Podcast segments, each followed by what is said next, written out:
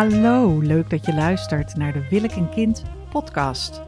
Mijn naam is Evelien de Jong en ik help je als je twijfelt over wel of niet een kind. Vandaag ga ik het hebben over Internationale Vrouwendag 2023, onbeperkt leefbaar. Wat is nou nog een beperking in de leefbaarheid voor vrouwen in Nederland in 2023? Nou, ik zal het je zeggen, kiezen voor een leven zonder kind. Daar word je nog in beperkt. Je bent als vrouw in Nederland niet vrij om zelf te mogen kiezen voor een leven zonder kind. En daar wil ik het met jullie in deze podcast over gaan hebben. Het is oké om geen kind te willen.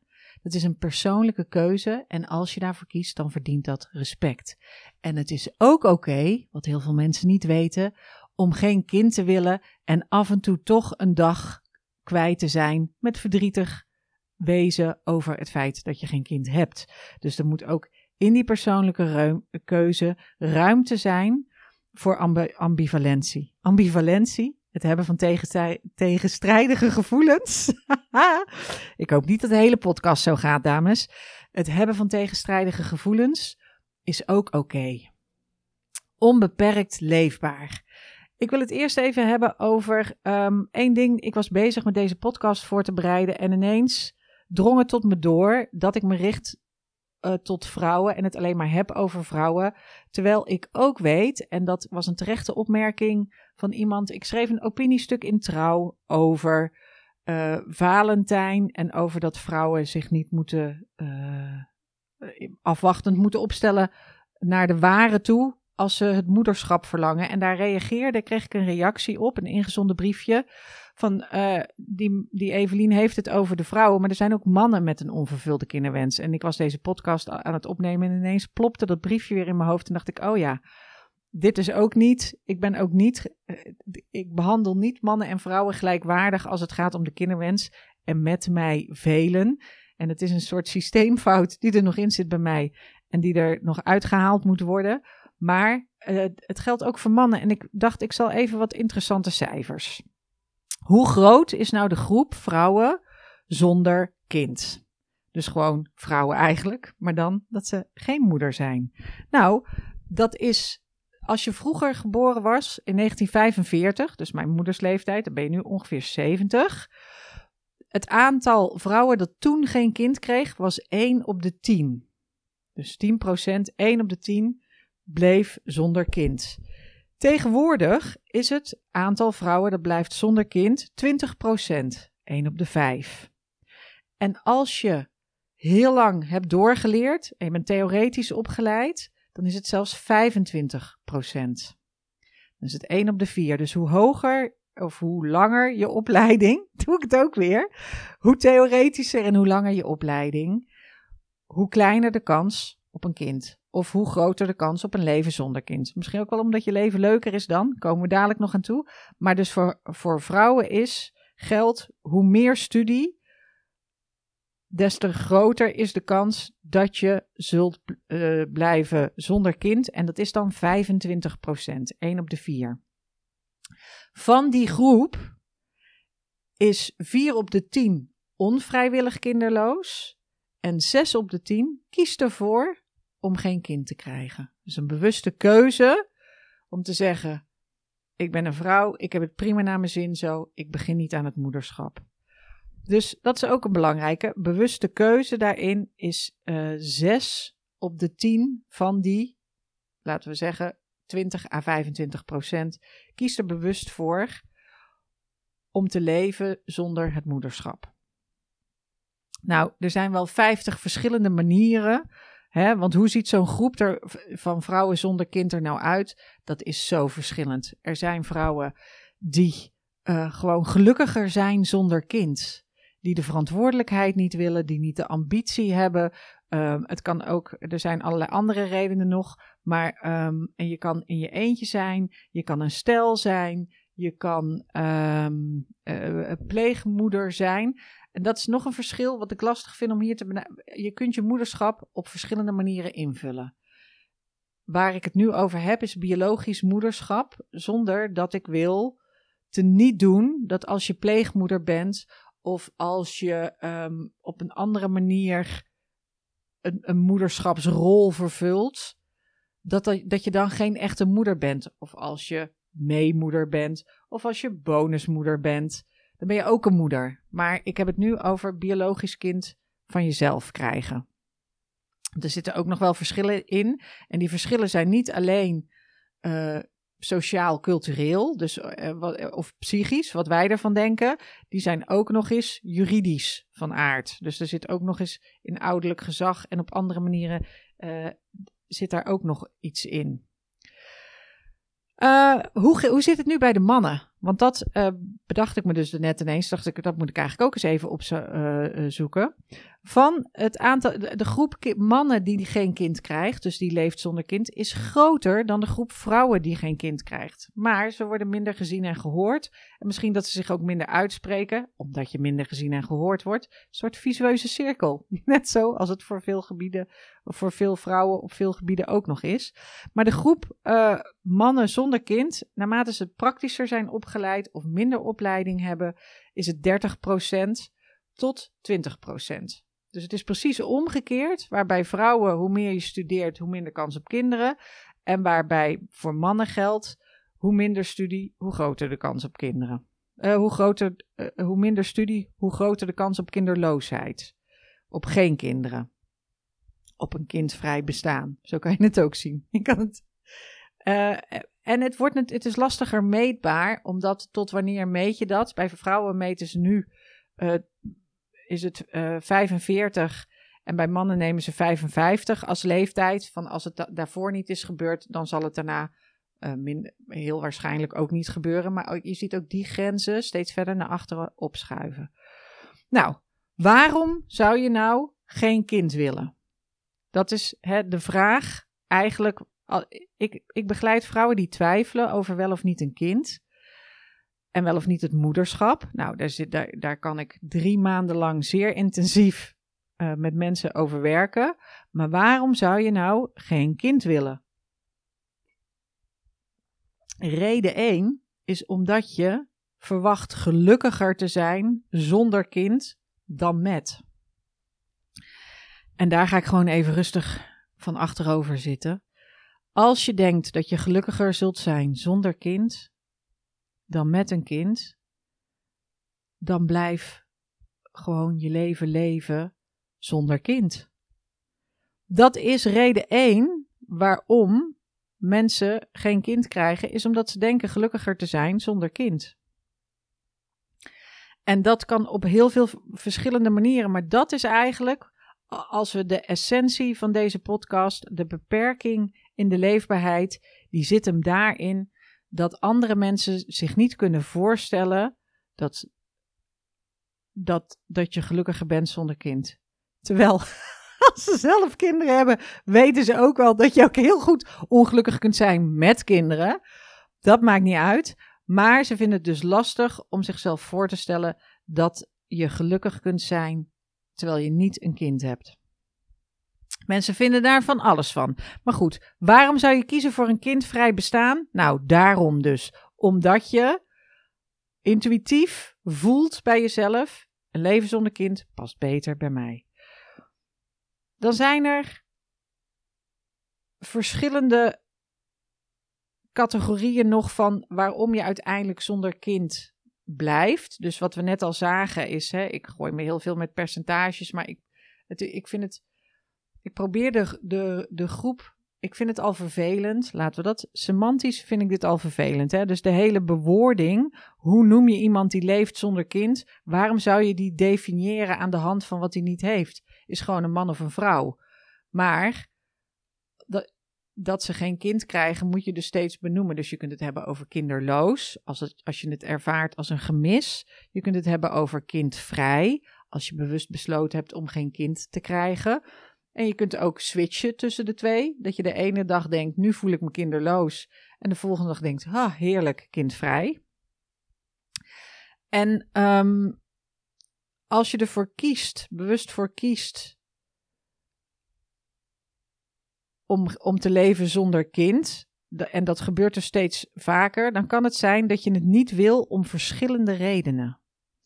Het kan zijn dat je het niet wil om verschillende redenen, gewoon omdat het je helemaal niet aanspreekt, omdat je houdt van intellectuele uitdaging en boeken lezen, omdat je ehm, bang bent voor het klimaat, omdat je je vrijheid niet op wil geven. Dat is de meest genoemde reden, is dat je een vrij en zorgeloos bestaan hebt, relatief zorgeloos.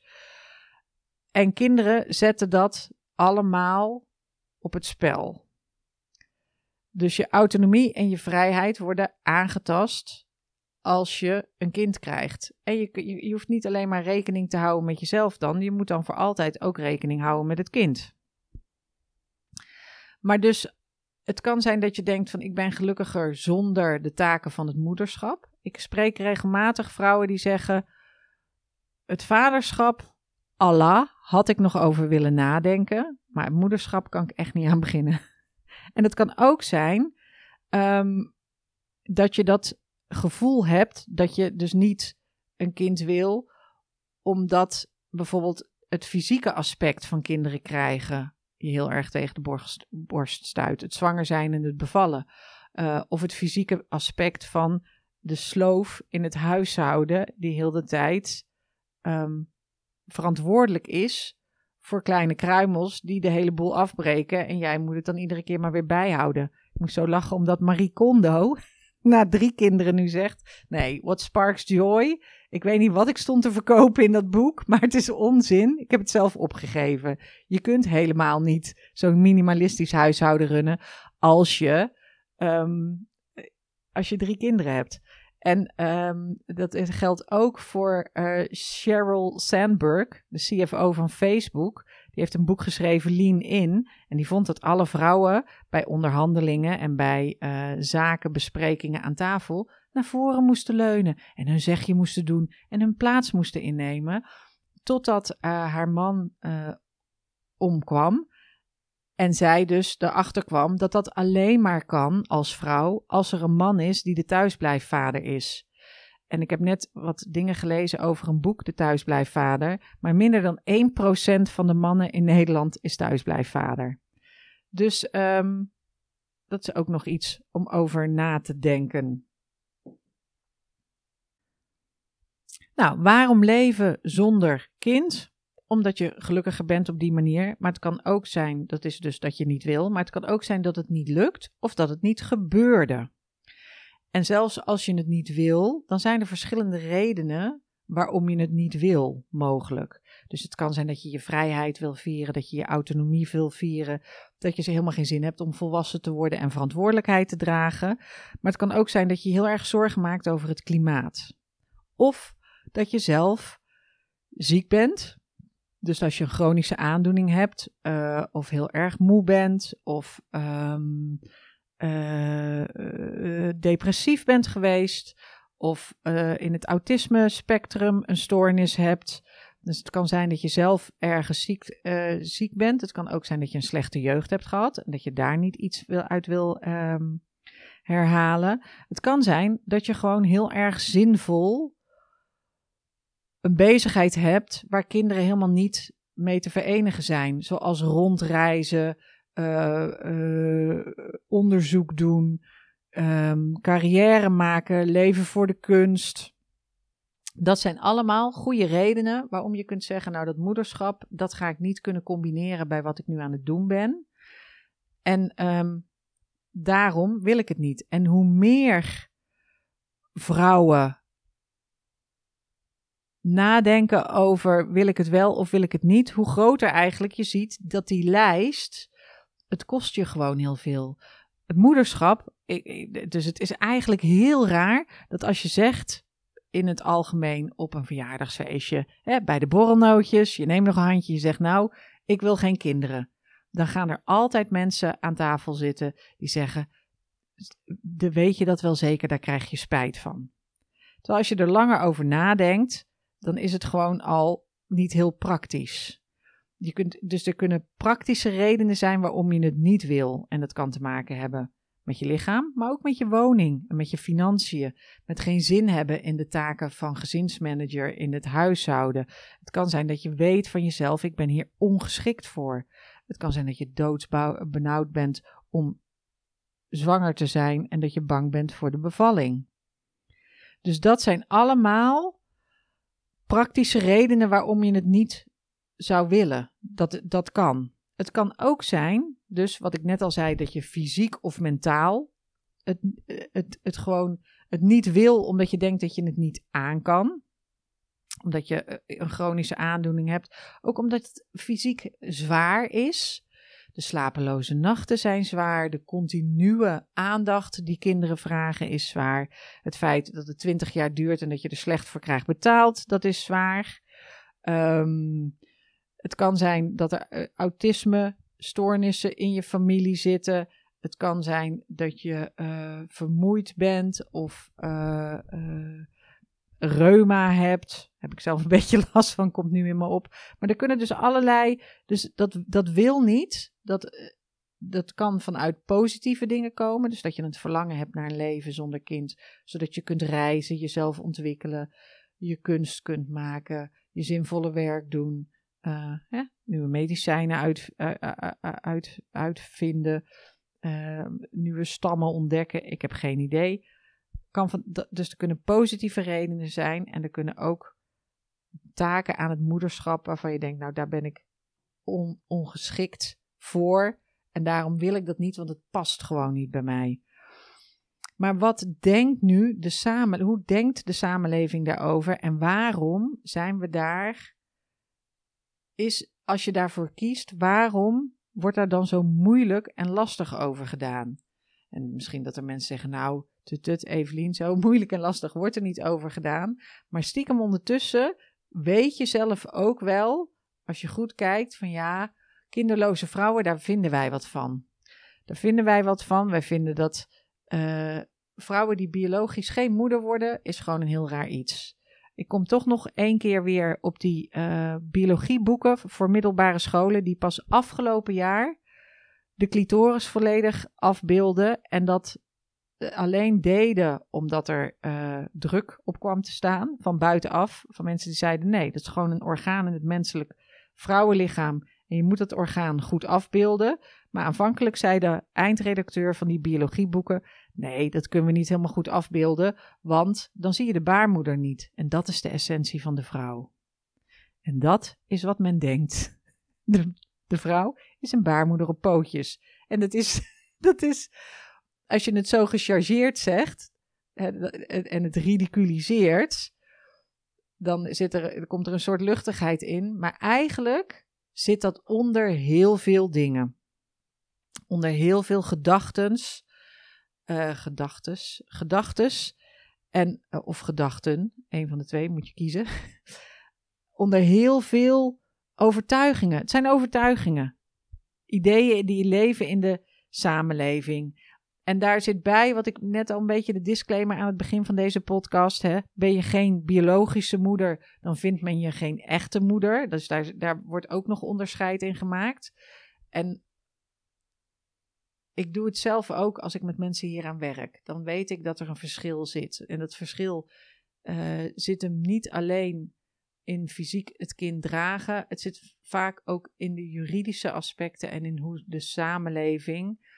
Want het, het juridisch kader van de samenleving is ook hoe de samenleving naar jou kijkt. Dus het is dat meer ouderschapsgezag niet juridisch geregeld is. Dus dat je niet met uh, twee vrouwen en een man alle drie de ouders van een kind kunt zijn, of andere twee mannen en een vrouw, um, dat maakt ook dat, er, dat ouders niet alle drie voor vol worden aangezien. Dus dat, dat juridisch kader schept ook een sociaal-cultureel kader. Dat is niet zomaar alleen maar de letter van de wet. Dat zijn mensenlevens in Nederland. En dat, en, het, en dat doet iets met de leefbaarheid. Wat denken mensen nou als ze, als ze een vrouw zien zonder kind? Of als ze dus een vrouw horen zeggen: Ik wil geen kinderen. Nou, dan hebben ze dus het gore lef om te zeggen: Daar krijg je spijt van. Een vrouw die geen kinderen wil, dat vinden ze tegen natuurlijk iets. Dat vinden ze raar. Zelfs de paus er zijn al zoveel grappen over gemaakt. Zelfs de paus vindt vrouwen die geen kinderen krijgen egoïstisch. Ik zag een heel grappig stukje eh, volgens mij van Saturday Night Live, van een Amerikaanse die hilarische rant houdt over uh, geen kinderen hebben en dat mensen dat egoïstisch vinden, dat mensen het zielig vinden. Mensen denken dat je geen onvoorwaardelijke liefde kent, terwijl voorwaarden tussen ouders en kinderen uh, en als zo er al sprake is van liefde, er zitten enorm veel voorwaarden aan. Maar goed, ik heb ook eens een keer iemand horen zeggen van, oh, nou dat meisje krijgt later wel kinderen, want het is een lief meisje. En dat ik dacht, ja, dus als je lief bent, dan word je moeder. En als je niet lief bent, dan word je automatisch geen moeder. Dat, die, die, die, en dat was iemand die het helemaal goed bedoelde. En eigenlijk zichzelf niet eens bewust was van het feit dat lief en moeder zijn, dat dat samen op één hoop gegooid werd in zijn gedachten. Ehm, de samenleving, dus dat is zeg maar wat andere mensen van je denken. Als je kiest voor leven zonder kind, dan denken andere mensen daar weer van. Maar wat, hoe de samenleving is ingericht, dus de praktische kant van hoe de samenleving is ingericht, betekent dat het erfrecht heel ongunstig is voor mensen zonder kinderen. Het gezin als hoeksteen van de samenleving is helemaal niet alleen een CDA uh, uh, religieuze partijenstandpunt. Nee, de VVD gaat er ook vanuit. Men doet ontzettend betuttelend. Dus als je wil kiezen voor een leven zonder kind, dan begrijpen mensen dat niet. Ze vinden het raar, ze vinden je egoïstisch, ze vinden je zielig. Of uh, uh, ze vinden dat jij dingen moet opknappen waar mensen met een kind geen tijd voor hebben, omdat die een kind genomen hebben. Dus als er overwerk gedaan moet worden, als er mensen niet weg kunnen met een schoolvakantie, dan zijn het altijd dezelfde zakkers. De mensen zonder. De mensen zonder moeten de gaten opvangen die de mensen met kinderen laten vallen, omdat ze nou eenmaal druk ook moeten zijn met opvoeden. Nou ja, die hele uh, wij betalen voor jou en jij doet niks voor ons discussie wil ik je eigenlijk buiten laten, maar dat is wel hoe, hoe de samenleving, wat je, wat je voelt dat er in de samenleving heerst. En daarbij zit er een heel groot verschil tussen mannen en vrouwen, want vrouwen krijgen tot op de dag van vandaag, als ze moeder worden, een babyboete in hun carrière. Als jij een kind krijgt, dan lever je salaris in. Dan verslechtert je positie op de arbeidsmarkt en je financiële waarde daalt. Als je als man een kind krijgt, dan krijg je een babybonus. Dan krijg je meer betaald, want dan denkt men: oh, dit is een verantwoordelijke vader die heeft een gezin te onderhouden. Daar kunnen we op rekenen, daar kunnen we op bouwen. We zijn het de samenleving verschuldigd die grappie meer geld te geven. nou ja, als je geen kind hebt, wordt alles duurder. En, en um, er zijn steeds meer ook plekken waar kinderen gewoon niet, niet mogen komen. Uh, en, en daar betaal je dan ook extra voor. En wat is de duurder? Ja, net zoals je, je eten. Een eenpersoonskamer geldt ook een beetje voor stellen en, en solisten. Of als je een meerouder gezin bent of een, of een polyamoreus stel, dan, uh, dan betaal je altijd een toeslag voor oneven aantallen. Maar eigenlijk dat mensen kunnen zeggen op voorhand al dat de persoonlijke keuze die jij maakt, dat zij nu al kunnen inschatten dat jij daar later spijt van krijgt. Nou, dat is natuurlijk de grootste bullshit die er bestaat. Dus dat is een van de grootste problemen. Dat is waarom het eigenlijk lastiger leefbaar is, slechter leefbaar, moeilijker leefbaar. Ik weet niet hoe die politieke partijen deze term munten, maar dat het en daar zou ik deze Internationale Vrouwendag in Nederland graag meer aandacht voor zien. Dat het lastig leefbaar is als je kiest voor de optie leven zonder moederschap. Dat mensen dat gewoon durven te zeggen dat je daar spijt van zult krijgen.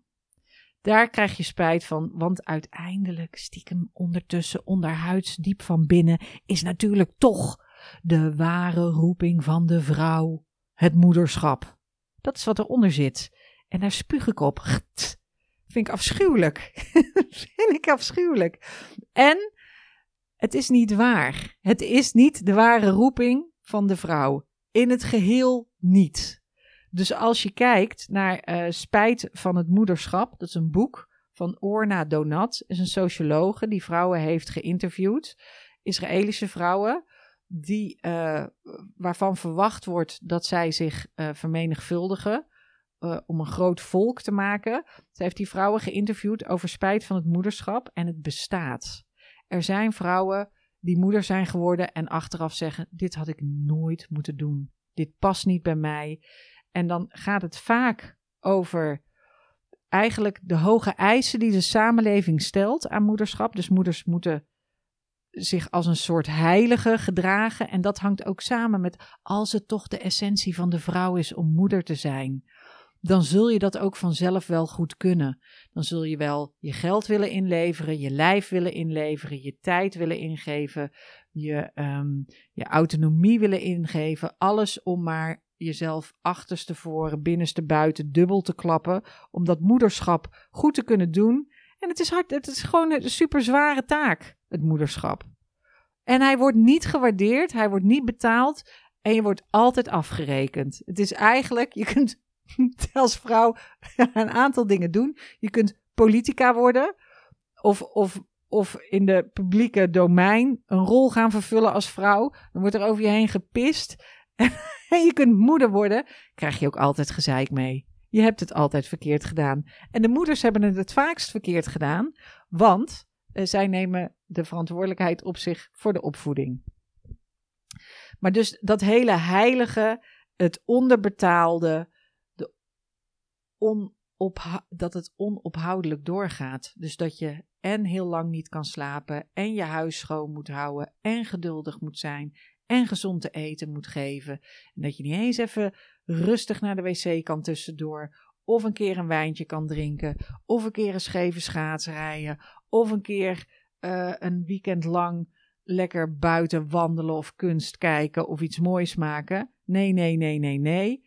Het moederschap gaat voor alles, boven alles, overstijgt alles. En door dat zo op een troon te zetten, terwijl het e-, echt een zware taak is en vrouwen daar niet voor te belonen, dat is precies waarom vrouwen die er soms aan beginnen er spijt van krijgen. En het is ook de reden waarom andere vrouwen zeggen: Nou, ik denk dat ik gelukkiger ben zonder kinderen. En dat mag.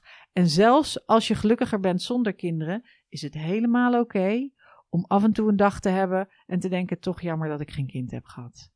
Vandaag ben ik er verdrietig om. Uh, nu voel ik een gemis. Nu zit er een soort pijn dat, het dat ik het niet zal meemaken. Nu ben ik verdrietig omdat ik hè, vriendinnen van mij uh, uiteindelijk weer over kleinkinderen beginnen. En dat, um, die ambivalentie, dat vind ik, dat is ook een beperking van de leefbaarheid. Dat er geen ruimte is. Dus je mag A niet stellig zeggen: Ik denk dat ik gelukkiger ben zonder kind. Ik kies niet voor het moederschap. Want dan zeggen mensen: Daar krijg je spijt van. En als je ervoor gekozen hebt en het is zo. En dat je dan een dag zegt: Oh, nu ben ik er heel verdrietig over. Daar is dan ook geen ruimte voor. Want dan zeggen ze: Ja, dan had je het maar wel moeten doen. En omgekeerd, als je eenmaal kinderen hebt, dan mag je ze dus ook niet even een dagje niet willen hebben. Dan moet je dat altijd maar leuk vinden. Dat is dat hele, dat, die heilige taak van vrouwen. Dat dat de essentie van een vrouwenleven is. Dat is wat het moederschap extra zwaar maakt. Gloria Steinem, die heeft het heel helder in één keer gezegd. Zij zei: Het feit dat je een baarmoeder hebt, betekent nog niet dat je kinderen moet krijgen. Net zo min als dat het hebben van stembanden je ertoe verplicht operazanger te worden. dus, en dat vind ik een hele mooie, omdat inderdaad, je kunt allemaal gewoon leven met je stembanden en daar gewoon mee communiceren en dat is prima. Maar je hoeft helemaal niet jezelf te ontwikkelen tot operazanger. Je, hoeft, je kan prima leven met je clitoris en je baarmoeder. En misschien ook nog wel als hermafrodiet of uh, non-binair of wat dan ook. Maar het feit dat je een baarmoeder hebt, betekent helemaal niet dat je moeder moet worden. En um, nou ja, wat kun je nou zeggen als je vrouwen kent die kiezen voor een leven zonder kind, dank je wel. Onze samenleving leunt op jou, steunt op jou. Je bent een pilaar van onze maatschappij. Je kunt zeggen interessant.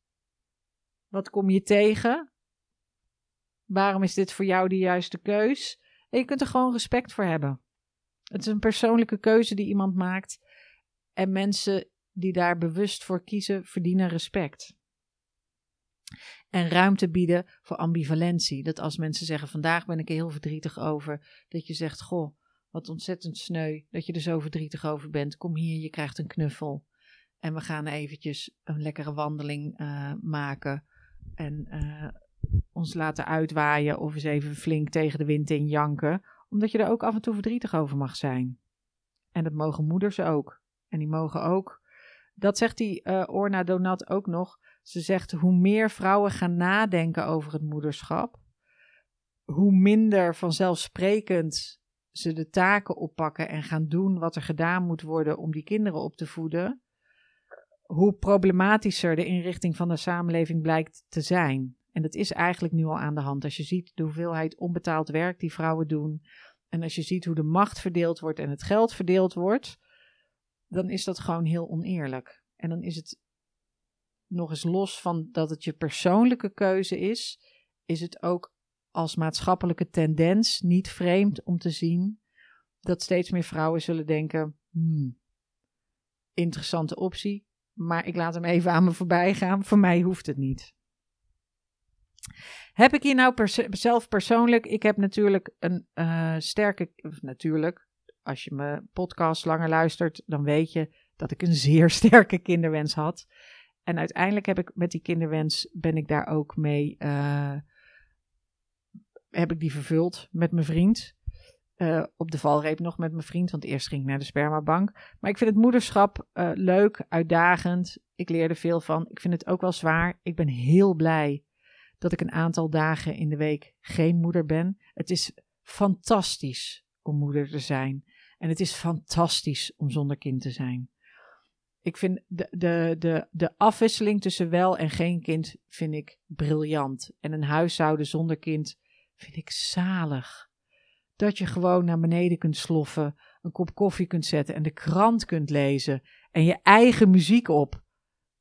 Brillen, daar, dat is een van de dingen waar ik voor leef. Um, ik heb ook, omdat ik weet dat mijn moeder had een hele sterke kleinkinderwens. Want het houdt ook nooit op, hè? Het houdt nooit op. Mijn moeder had een hele sterke kleinkinderwens. En ik weet dat ik mezelf daarvoor wil behoeden. Ik wil dat niet. Dus ik heb alles eerder uh, aan Vesper een openbare brief geschreven. Met lieve Vessie, jij hoeft mij geen kleinkinderen te geven. Want ik denk dat dat voor mij persoonlijk het grootste is wat ik kan doen. Is nooit mijn dochter pushen om moeder te worden. En dat ik dan verdrietig zal zijn over dat ik geen kleinkinderen heb. Dat is mijn probleem. En degene die mij daarin zullen troosten en steunen, dat zullen de mensen zijn met wie ik drankjes doe en dansjes doe en volwassen, volwassen shizzle bespreek.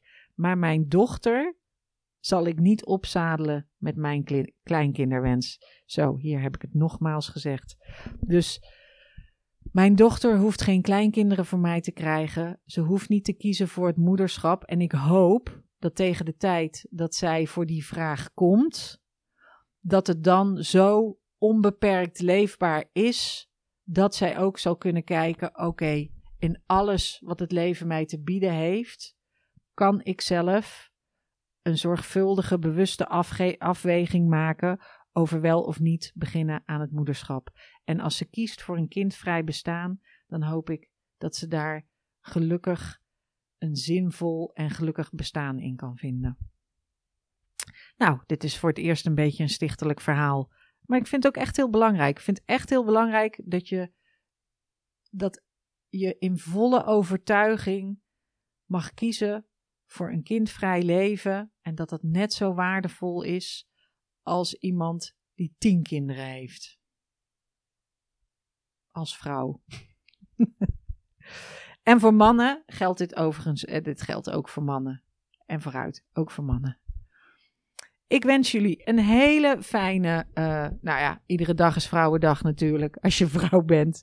Ik wens jullie ook een hele fijne Internationale Vrouwendag. En ik ben benieuwd of wij gaan meemaken hè, in 2040 of 2050 dat het moederschap in een heel ander daglicht staat. De planeet is toch al te vol en het klimaat is toch al naar zijn grootje. Dus uh, um, nou, misschien is het een druppel op de gloeiende plaat om daaraan bij te dragen. En weet dus dat als je mensen tegenkomt die zeggen: Ik kies voor een leven zonder kind, dat je zegt: Nou, interessante optie. Wil je er iets over vertellen? Of zal ik dit gewoon accepteren en zullen we, zullen we het hebben over boeken en muziek en dingen die ertoe doen?